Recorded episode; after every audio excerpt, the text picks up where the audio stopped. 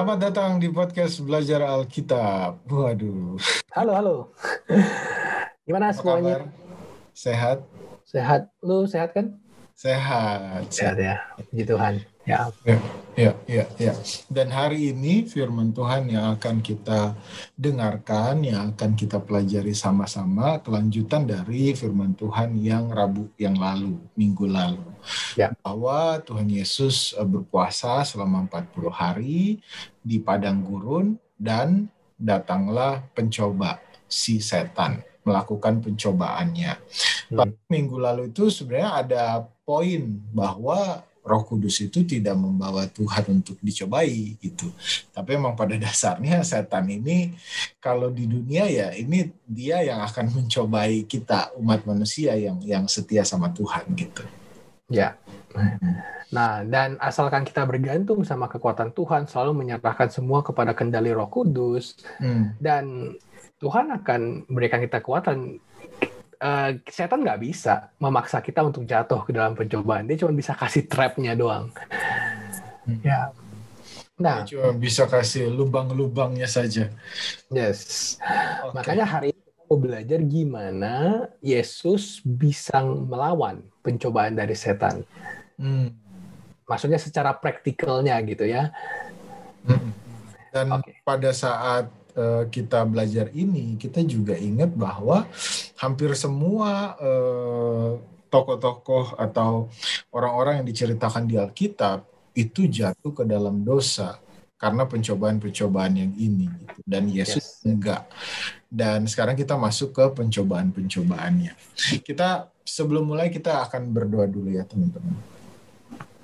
Bapa yang dalam surga, terima kasih Tuhan Engkau selalu baik kepada kami. Bersama-samalah dengan kami Tuhan untuk belajar firman-Mu Tuhan. Biarlah apa yang Engkau ingin katakan tersampaikan dan bisa kami lakukan dalam kehidupan kami sehari-hari.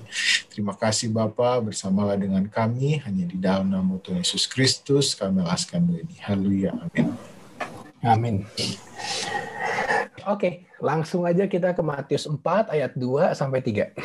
Dan setelah berpuasa 40 hari dan 40 malam, akhirnya laparlah Yesus. Lalu datanglah si pencoba itu dan berkata kepadanya, "Jika engkau anak Allah, perintahkanlah supaya batu batu ini menjadi roti." Oke. Hmm. Bayang nggak sih ini kondisi Yesus waktu itu dia 40 hari 40 malam puasa. Gimana fisiknya? Pasti lemah banget sih harusnya ya. Ya, dan wow 40 hari em, nggak tahu ya apakah manusia sanggup untuk em, nggak makan 40 hari ya gitu. Hmm. Walaupun memang di Alkitab ada beberapa case sih kayak eh, Niniwe, orang di Niniwe itu 40 hari juga berpuasa. Ayat ini mengatakan Yesus lapar. Hmm. Ya kan? Dan em, kelihatannya setan tahu banget titik lemahnya Yesus setelah Puasa berpuasa. 40 hari. Karena yang lemah adalah fisik. Hmm. Dan dan sepertinya eh, kenapa setan pakai ini? Ini pasti udah dia pertimbangkan dong. Setan itu udah jauh. Dia, setan itu pinter banget. Dan untuk ke Hawa aja, yang nggak usah pakai kelaparan itu berhasil. Hmm. Apalagi buat eh, Yesus yang sebagai manusia sangat lapar, harusnya ini gol. Hmm. Hmm. Hmm. Hmm. Ya. Nah, eh, kita bisa lihat juga eh, misalnya ya contoh yang lain yang berhasil nih. Berhasil Yakub dijatuhkan setan ya, berhasil. Yakub sama Esau. Pernah ada nggak waktu si Esau pulang dari apa? Padang gurun berburu tiba-tiba si Yakub lagi masak sup kacang merah. Betul. Nah. Terus diminta tukar kesulungannya. Cuma gara-gara semangkuk kacang merah gitu. Dan Itu makanan. Dan waktu itu juga sebenarnya si Yakub ini juga soal makanan nih, nipu bokapnya.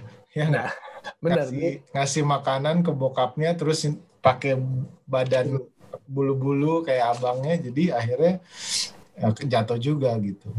Ya, dan dan gue yakin waktu itu pasti yang yang bikin Yakub kayak gitu bukan roh Allah. Hmm. Walaupun kita lihat endingnya tetap Yakub itu menjadi bapa dari bangsa yang besar Israel, hmm. tapi um, gua nggak yakin bahwa itu intentionally seperti itu.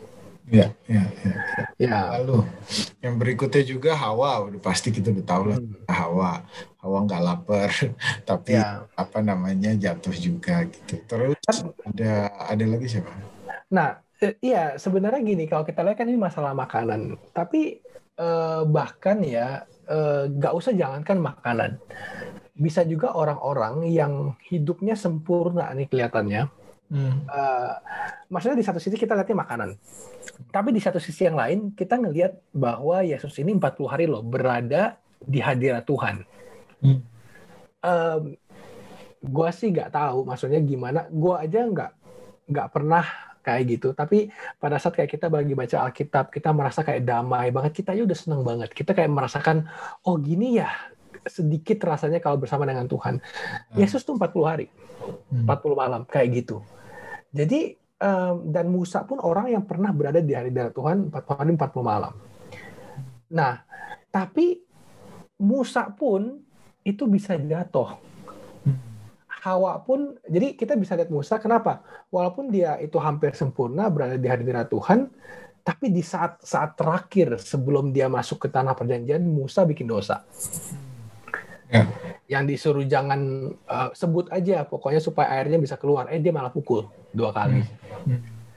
Nah, jadi mungkin setan juga ngelihat selain fisik, walaupun lu udah sama Tuhan 40 hari 40 hari, gue punya contoh kok orang yang tetap jatuh, jatuh. ke dalam Hmm.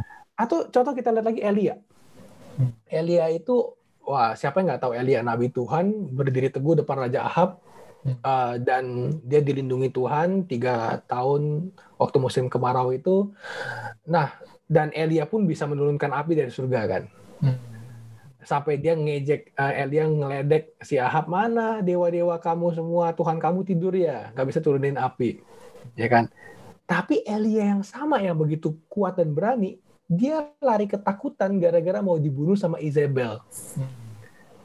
Jadi uh, setan itu pinter cari celah, uh, walaupun hambanya kuat, tapi tetap ada titik lemah yang dia bisa cari. Ya, jadi di sini kita bisa lihat bahwa uh, Yesus itu pasti berada di titik lemah yang harusnya kemungkinan berhasilnya menurut setan 100%. Menurut setan.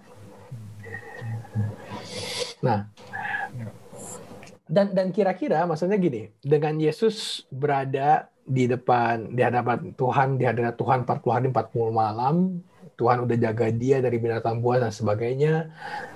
Um, pasti gampang banget dong buat Yesus membedakan se, se pusing-pusingnya orang dia pasti bisa membedakan mana yang dari Tuhan mana yang enggak. Apakah kira-kira setan akan datang kepada Yesus dengan menunjukkan karakter aslinya? Hmm. Harusnya enggak sih, karena kayak dari contoh-contoh yang di atas saja tadi misalkan Hawa gitu, uh, setan itu kan menjelmah jadi hewan yang cerdik, yang menawan. Waktu itu ya ular di zaman Taman Eden ya. Kalau sekarang sih serem. jadi hewan yang hewan yang yang harusnya baik gitu, yang harusnya benar gitu. Tapi dia menjelmah jadi itu dan membuat Hawa tertipu gitu. Mungkin aja sih hmm. setan, ya kita nggak tahu sih sebenarnya, tapi mungkin aja setan pada saat pertama kali muncul pada saat Yesus puasa ini 40 hari ini harusnya dia menjelma menjadi sesuatu kali ya. Hmm. Dan kita juga tahu sih kayak di Korintus 11 14 kan dibilang setan itu bisa menyamar sebagai malaikat hmm. terang. Memang di sini nggak di Alkitab nggak ada tunjukin bahwa setan dengan wujud seperti apa.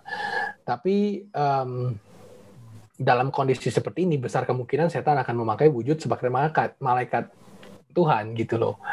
Karena um, well nanti kita akan lihat dari alur cerita ini uh, Kenapa kita bisa menyimpulkan seperti itu gitu ya?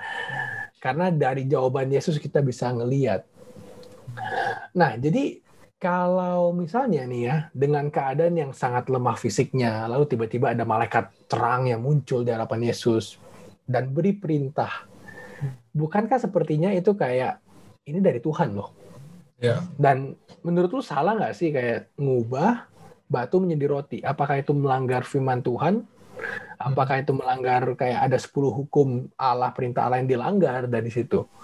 Harusnya sih enggak ya. Apalagi kan kayak mungkin kalau kita nih sebagai manusia gitu 40 hari bersama Tuhan terus tiba-tiba ada malaikat datang terus bilang ayo ubah aja roti jadi apa batu jadi. Batu jadi roti. Kita anggapnya itu kayaknya dari Tuhan deh karena kita lapar Tuhan ngerti nih kebutuhan kita mungkin disuruh gitu. Dan lu kayaknya punya kuasa itu kan gitu hmm. loh hmm. untuk melakukan itu. Nah tapi di sini kita ingin lihat respon Yesus dan dan gue rasa kita bisa belajar banyak dari sini. Itu di Matius 4 ayat 4 tetapi Yesus menjawab, ada tertulis, manusia hidup bukan dari roti saja, tetapi dari setiap firman yang keluar dari mulut Allah. Yang menjadi pertanyaan, kenapa Yesus gak mau merubah batu itu menjadi roti? Coba kita lihat lagi ya di, di ayat yang tadi ya, Matius 4 ayat 3 ya. Lalu datanglah si pencoba itu dan berkata kepadanya, berkata kepada Yesus, jika engkau anak Allah, perintahkanlah supaya batu-batu ini menjadi roti. Hmm. Hmm. Gua salah ini adalah kesalahan kecil tapi kesalahan yang paling fatal. Hmm. Setan bilang di situ, jika engkau anak Allah. Ya. Hmm mungkin nggak kata-kata ini keluar dari malaikat terang yang melindungi Yesus selama 40 hari di padang gurun itu. Malaikat itu tahu Yesus itu anak Allah. Malaikat itu juga dengar waktu Yesus dibaptis, inilah anakku yang kekasih. Mungkin nggak malaikat Tuhan bisa meragukan perkataan Allah Bapa sendiri dan apa yang mereka udah lihat selama 40 hari di padang gurun. Dan padahal uh, malaikat Allah yang benar itu nggak pernah kasih keraguan-raguan karena Yesus hmm. sendiri ngomong kok, misalnya ya di Matius 21 ayat 21. Yesus bilang, aku berkata kepadamu, sesungguhnya jika kamu percaya dan tidak bimbang. Jadi memang Yesus tahu betul bahwa di dalam Tuhan, di dalam hadirat Tuhan nggak ada kebimbangan. Kok bisa ini malaikat ini? Nah, dan coba kita mau lihat gimana cara Yesus bisa menang dari pencobaan ini. Apa responnya Yesus? Matius 4 ayat 4 tetapi Yesus menjawab, ada tertulis, manusia hidup bukan dari roti saja, tetapi setiap firman yang keluar dari mulut Allah. Hmm. Oke. Okay. Ternyata Yesus mengutip uh, ayat, dia bilang ada tertulis, tapi ini dikutip sebenarnya dari ulangan 8 ayat 3. Dan gue rasa ini cukup menarik ayat ini. Jadi ia merendahkan hatimu, membiarkan engkau lapar dan memberi engkau makan mana yang tidak kau kenal dan yang juga tidak dikenal oleh nenek moyangmu, untuk membuat engkau mengerti bahwa manusia hidup bukan dari roti saja, tetapi manusia hidup dari segala yang diucapkan Tuhan. Um, jadi walaupun fisik Yesus ini lemah, tapi mentalnya kuat. Karena pikiran diisi sama janji Allah dan firman Allah. Nah, apakah Yesus butuh makan? Dia tahu dia butuh makan, dia lapar Hmm. Tapi kenapa Yesus nggak melakukan sesuatu? Dia ingat sama kejadian bangsa Israel hmm. yang di padang gurun. Siapa yang sediain makanan buat ya, buat bangsa Israel? Itu adalah Tuhan. Nah, coba kita lihat lagi di Yesaya 33 ayat 15 sampai 16 dan ini adalah janji Tuhan kepada umatnya. Hmm. Orang yang hidup dalam kebenaran, yang berbicara dengan jujur, yang menolak menghitung hasil pemerasan yang mengebas tangannya da, eh, supaya jangan menerima suap, yang menutup telinganya supaya jangan mendengar rencana penumpahan darah, yang menutup matanya supaya jangan melihat kejahatan, dialah seperti orang yang tinggal aman di tempat-tempat tinggi. Bentengnya ialah kubu di atas bukit batu, rotinya disediakan, air minumnya terjamin. Hmm. Hmm. Ya. ya. Yesus. Jadi di sini maksudnya Tuhan bisa dengan malaikat Tuhan harusnya akan datang kalaupun Yesus butuh makanan di situ mau ngapain juga nggak bisa. Um, walaupun dia punya kuasa keilahian tapi kan Yesus harus menunggu dari Roh Kudus nyuruhnya apa gitu. Uh, bisa aja disediakan mana tapi itu nggak nggak disediakan. Jadi uh, dengan alasan itu Yesus kenapa saya harus ikutin? Perintah satu malaikat yang juga ragu akan siapa saya itu kan aneh gitu. Dan yang paling penting sebenarnya di sini Yesus udah sense bahwa ini pencobaan. ya kan? Terus ya. dia juga langsung sense bahwa ya kalau pencobaan datangnya dari setan. And then pada saat pencobaan Tuhan Yesus juga nggak menjawab dengan caranya sebagai manusia. Kadang kan kalau kita ada pencobaan nih, aduh gimana ya supaya kita cari solusi nih biar keluar dari pencobaan ini. Tapi Yesus di sini fokus kepada firman Tuhan karena yang kita tahu kan yang kita belajar di uh, episode-episode sebelumnya bahwa Tuhan Yesus ini adalah eh, pada saat menjadi manusia dia benar-benar giat belajar, benar-benar gali firman Tuhan dan pada saat ada pencobaan yang diingat yang jadi fokusnya dia adalah firman Tuhan gitu. Jadi dan janji yang ada di dalam firman Tuhan itu. Betul. Jadi dia nggak nggak nggak pakai caranya atau ragu sama Tuhan and then pakai cara manusia atau cara setan tapi dia ingat janji-janji ini dan dia percaya gitu. Hmm. Makanya ada satu janji Tuhan juga hmm, itu di Mazmur 17 ayat 4 Daud uh, mengatakan sesuai dengan firman yang engkau ucapkan aku telah menjaga diriku terhadap jalan orang-orang yang melakukan kekerasan. Kalau bahasa Inggrisnya dibilang uh, has have kept me from the path of the destroyer. Jadi dari jalan orang-orang yang bisa menghancurkan kayak setan gini. Dan kelihatan dalam keadaan apa pun, selama apa pun, Yesus tetap percaya sama janji Tuhan. Walaupun taruhannya nyawa, dia harus makan loh. Dia lemah secara fisik. Nah, uh, jika Yesus menurut kehendak setan, ini kelihatan maka Yesus itu akan menunjukkan ketidakpercayaan kepada firman Allah bahwa Allah dapat menyediakan makanan buat Yesus. Dan kalau kita pelajari Alkitab lebih dalam dan di zaman akhir nanti, kenapa bisa sampai ada ayat kayak Tuhan akan menjamin makanan uh, buat umat Tuhan kayak pengalaman Elia. Karena di zaman akhir nanti pada saat ada masa kesesakan besar, umat Allah akan dihadapkan kepada situasi seperti ini. Di mana kalau kita kita berpegang sama firman Tuhan, mungkin kita akan kehilangan pekerjaan, bisa kehilangan usaha, kehilangan teman, bahkan bisa sampai dapat ancaman untuk makan sehari-hari aja susah. Dan setan itu paling pinter, bikin kita takut kita mati kelaparan.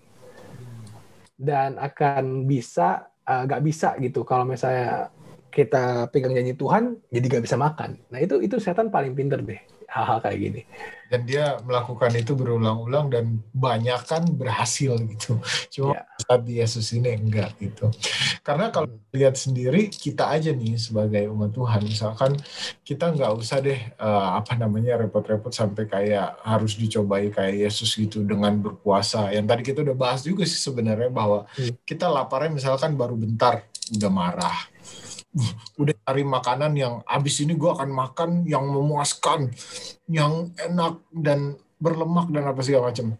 Itu aja udah salah gitu. Hmm. Karena mem memuaskan diri kita berlebihan dan jatuhnya nanti jadi sakit gitu. Hmm. Terus kayak misalkan kita uh, anggaplah kita habis acara di gereja atau kita ada baptisan gitu atau ada event kayak misalkan Natal gitu. Atau habis komsel kadang-kadang gitu kan. Ya habis itu yang yang kita lakukan tuh bukan bukan contemplate terhadap apa yang didapat dari firman itu misalkan atau berpikir soal gimana ya gue aplikasiin firman ini ya berdoa mungkin. Tapi kita langsung merencanakan eh habis ini kita makan-makan di mana nih? Dan kalau udah makan udah lupa semuanya biasanya. Benar iya sih. Dan ini juga sebenarnya yang sering terjadi dulu pas kita ketemu iya nggak Wil? Dulu kita kalau podcast bareng kita tuh salah satunya makan. Jadi habis podcast tiba-tiba bisa makan martabak. Habis uh. podcast bisa makan cendol. Uh. dan kebanyakan sih lupa ya firman yang kita udah obrolin gitu atau kita belajar gitu. Ya, makanya jadi dan bahkan kalau misalnya apa di dalam event kayak lu bilang tadi event yang besar, misalnya event-event Natal gitu, um, itu pasti ada bukan cuma makanannya yang ini tapi termasuk minuman-minuman kadang yang terlarang itu ada di meja gitu loh hmm. untuk celebration oh dikit aja nggak apa-apa padahal baru celebrate ke apa kelahiran Yesus gitu kan hmm. ya Jadi memang ini Iya. selalu berhasil jatuhin manusia sih. Hmm, hmm, hmm. Dan sebenarnya kalau kita lihat kayak misalkan ada orang yang yo elah masa makan makan nggak boleh habis habis ibadah misalkan. Sebenarnya tuh setan pakai ini tuh seakan-akan eh, baik gitu. Karena kan kayak kalau kita lihat kita jadi terbiasa gitu. Oh ada acara ini bisa kita makan bisa acara ini kita makan. Bukan makanannya yang berdosa tapi pilihan kita untuk berlebihan Hmm. bikin badan kita jadi nggak sehat dan lain-lain. Itu membuat kita jatuh dan dan itu nggak nggak nggak sesuai sama apa yang Tuhan mau gitu. Hmm. Ya, dan biasanya kalau kita udah habis makan-makan, eh, kita kan makan banyak dan harus malam. Kalau malam lebih enak daripada makan kayak sore apa siang gitu. Ya. Eh, Nggak ada orang makan kekenyangan tuh enak sih besok paginya. Hmm. Pasti tidurnya lebih nyenyak dan bangunnya lebih molor. Dan di manakah firman Tuhan, di manakah segala komitmen yang baru dibuat tadi malam pas denger khotbah gitu kan. Ya, biasa kayak gitu. So uh, memang ini terbukti banget efektif kepada banyak manusia Hmm. dan memang itulah yang terjadi sekarang. Kita sadar atau enggak? Oke, kita lanjut ke baca ayat ya, Yohanes 14 ayat 26. Tetapi penghibur yaitu Roh Kudus akan diutus oleh Bapa dalam namaku, dialah yang akan mengajarkan segala sesuatu kepadamu dan akan mengingatkan kamu akan semua yang telah kukatakan kepadamu. Hmm. Ya, seharusnya seperti ini. Eh, apa yang janji Tuhan yang kita udah hafal, Tuhan akan Roh Kudus akan ingatkan di saat yang kita butuh. Tapi seringkalinya kalau kita udah keseruan ngobrol, udah keseruan cerita-cerita, makan yang enak-enak, siapa lagi yang inget gitu kan akan janji Tuhan. Hmm. Nah, Enggak ya dengan dengan Yesus bahwa dia ya tetap ingat gitu itu kenapa Yesus bisa menjadi korban yang sempurna untuk menebus dosa kita gitu karena dia nggak berdosa sama sekali dan dia selalu dekat sama Bapa selalu selalu ngerti apa yang ya, Allah mau gitu. Hmm. Dan yang lebih menarik lagi adalah Yesus bisa melakukan mujizat itu, tapi dia karena tidak ada dorongan yang dia kayak suara yang dia familiar dari Tuhan yang menyuruh dia, dia nggak mau karena itu bukan seizin daripada Tuhan. Dan bayangin kalau misalnya kita sebagai manusia kayak gua nih, kalau lagi excited atau apa, tiba-tiba ada yang trigger aja, pasti kita dengan excitement kita mau melakukan, oh menunjukkan sedikit lah kayak yang kita mau gitu. Walaupun sebenarnya itu mungkin nggak sesuai sama sama firman Tuhan atau Ya. itu bukan yang Tuhan kehendaki. Gue jadi inget uh, ayat yang Tuhan Yesus bilang makananku adalah melakukan kehendak Allah. Hmm. Dan di sini jadi cocok banget gitu loh, karena sebenarnya dia lapar, tapi Ya. karena itu bukan kehendak Allah buat dia makan atau melakukan mujizat untuk membuat makanan, dia nggak melakukannya, bukan kehendak Allah, tapi Hmm. dia melakukan yang yang yang cuma kehendak Allah aja gitu. Hmm. Dan Yesus berhasil melewati godaan terbesar, kebutuhan terbesar manusia, which is makan. Ya kan? Tuhannya bilang asal ada makanan dan pakaian cukuplah. Lihatlah burung-burung di udara. Itu semua ngomongin tentang kebutuhan terbesar manusia. Tapi Yesus bisa membuat Allah itu menjadi ranking nomor satu di atas kebutuhan jasmani dan fisik dia. Amin. Wah itu susah sih ya. Semoga kita bisa ya teman-teman ya. ya buat kita too good to be true tapi Yesus patronnya jadi kita bisa ingat cerita ini Amin. oke pencobaan pertama gagal kita lihat ke pencobaan selanjutnya Hmm, pencobaan selanjutnya Matius 4 ayat 5 sampai 6. Kemudian iblis membawanya ke kota suci dan menempatkan dia di bubungan bait Allah. Lalu berkata kepadanya, "Jika engkau anak Allah, jatuhkanlah dirimu ke bawah, sebab ada tertulis mengenai engkau, ia akan memerintahkan malaikat-malaikatnya dan mereka akan menat tang engkau di atas tangannya supaya kakimu jangan terantuk kepada batu. Hmm. menariknya kata jika engkau anak Allah keluar lagi Hmm. Dia masih menyisipkan keraguan-raguan dan dia masih ragu bahwa Yesus adalah anak Allah. Tapi sekarang ditambah. Selain itu, nah sekarang udah mulai aneh perintahnya. Uh, coba kita lihat ya dari dari asalnya ya di Mazmur 91 ayat 11 sampai 12 dan ini yang dikutip sama setan. Sebab malaikat-malaikatnya akan diperintahkannya kepadamu untuk menjaga engkau di segala jalanmu. Mereka akan menatang engkau di atas tangannya supaya kakimu jangan terantuk kepada batu.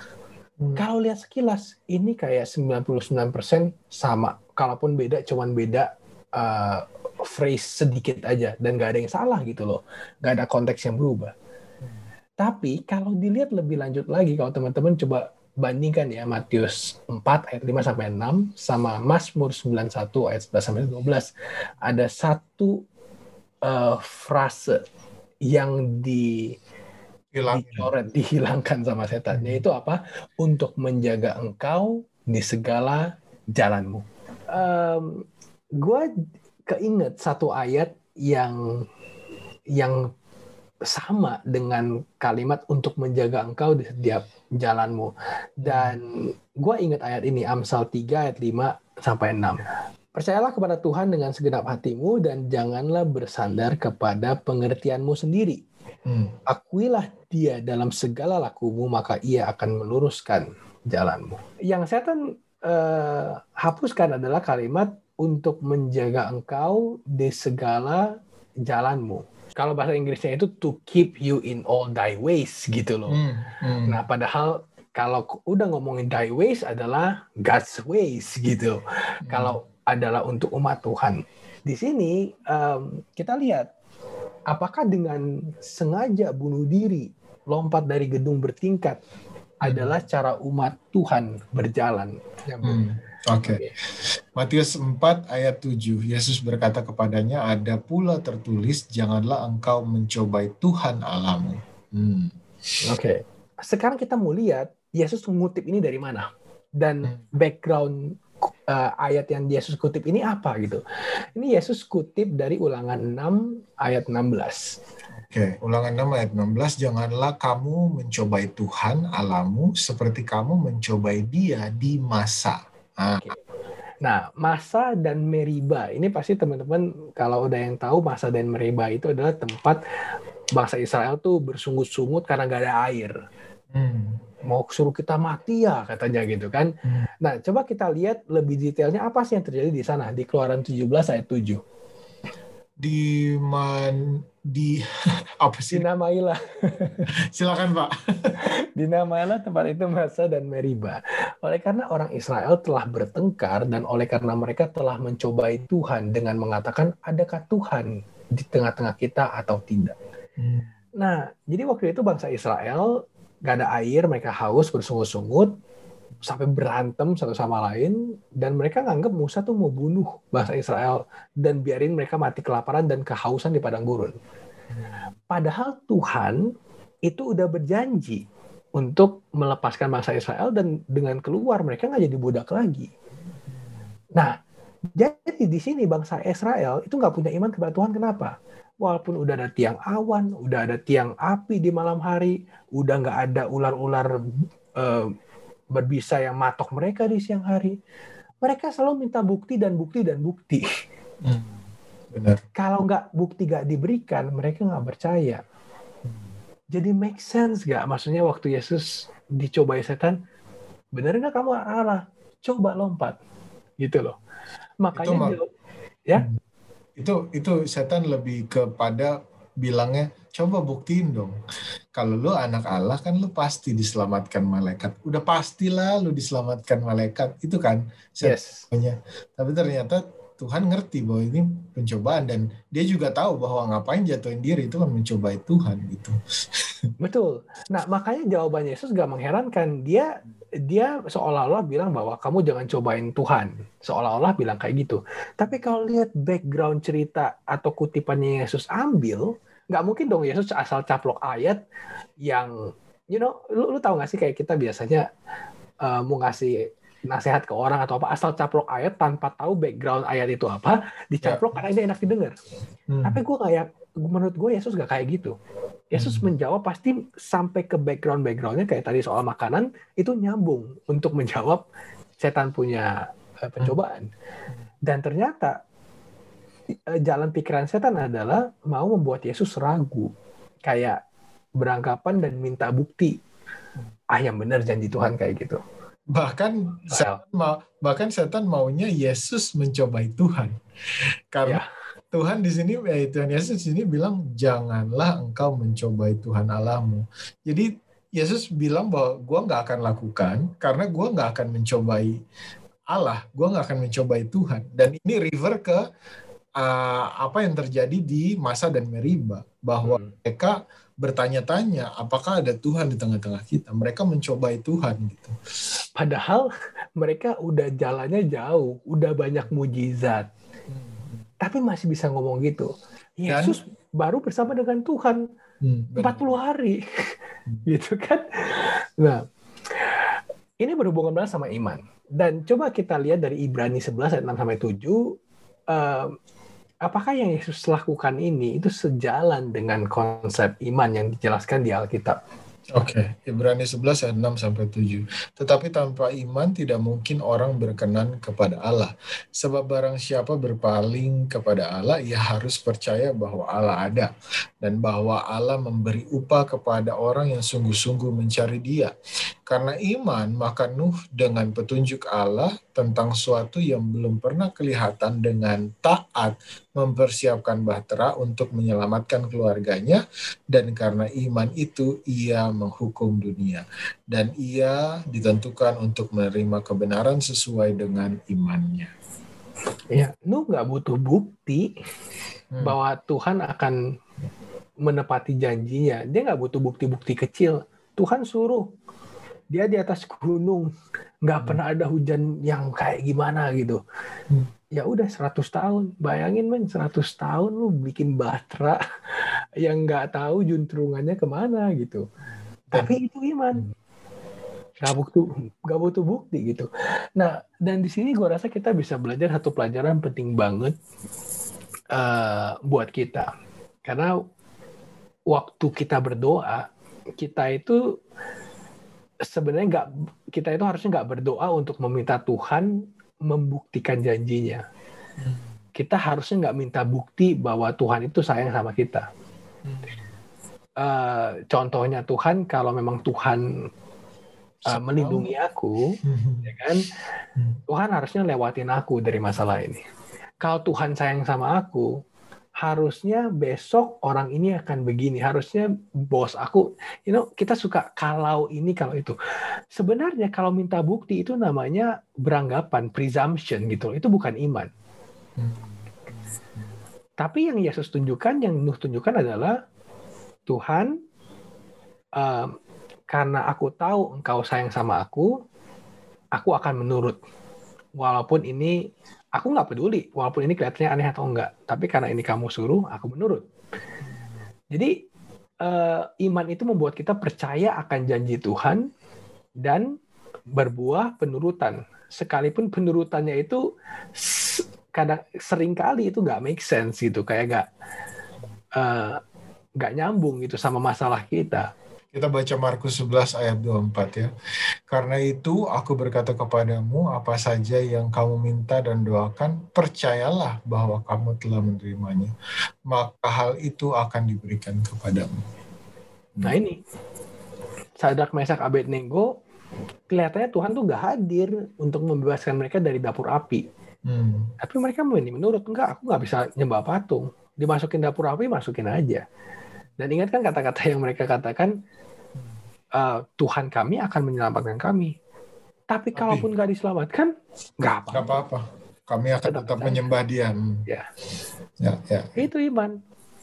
Oh, hujan pasti turun kata Nuh. Kalau nggak turun nggak apa-apa. Tuhan suruh kok. Hmm.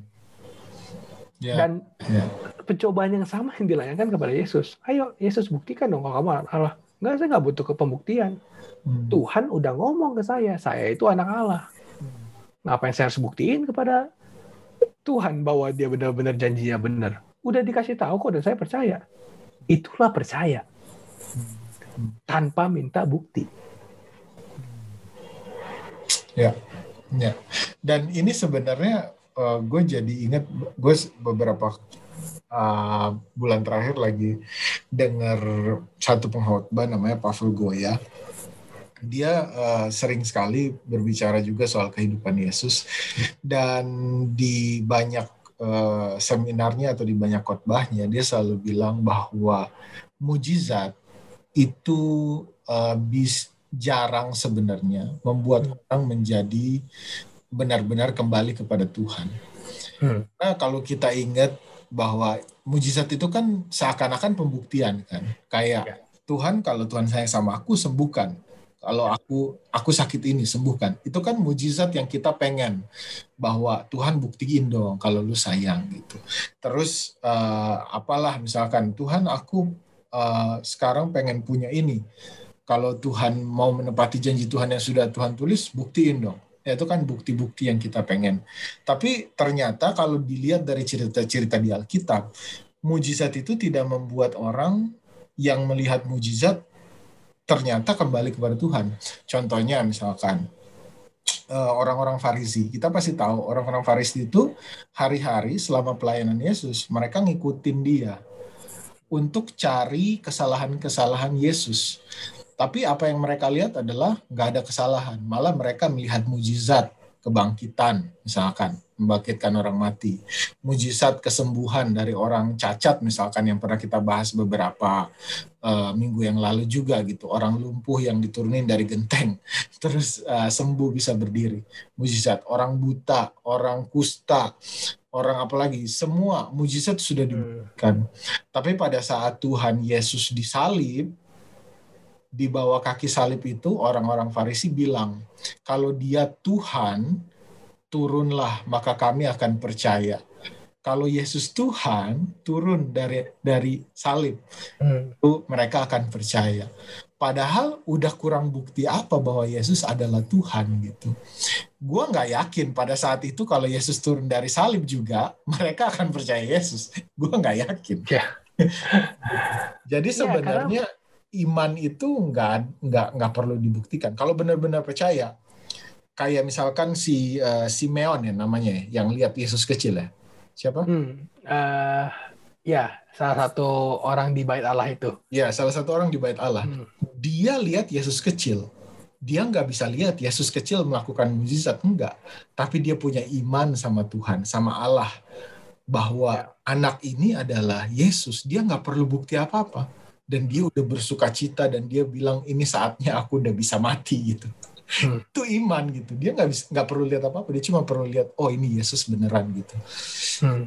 Hmm. ya kayak Abraham dia nggak perlu dia nggak nyangka bahwa Tuhan udah sediain korban yang lain gitu hmm. tapi dia percaya bahwa nanti keturunannya akan banyak dan satu-satunya harapan dia Ishak hmm. harus dibunuh ya udah hmm. malaikat yang tahan bangsa Israel dikasih mujizat, makin dikasih mujizat, makin minta lagi. Kurang apa coba menyeberangi Laut Merah uh, dan segala macamnya.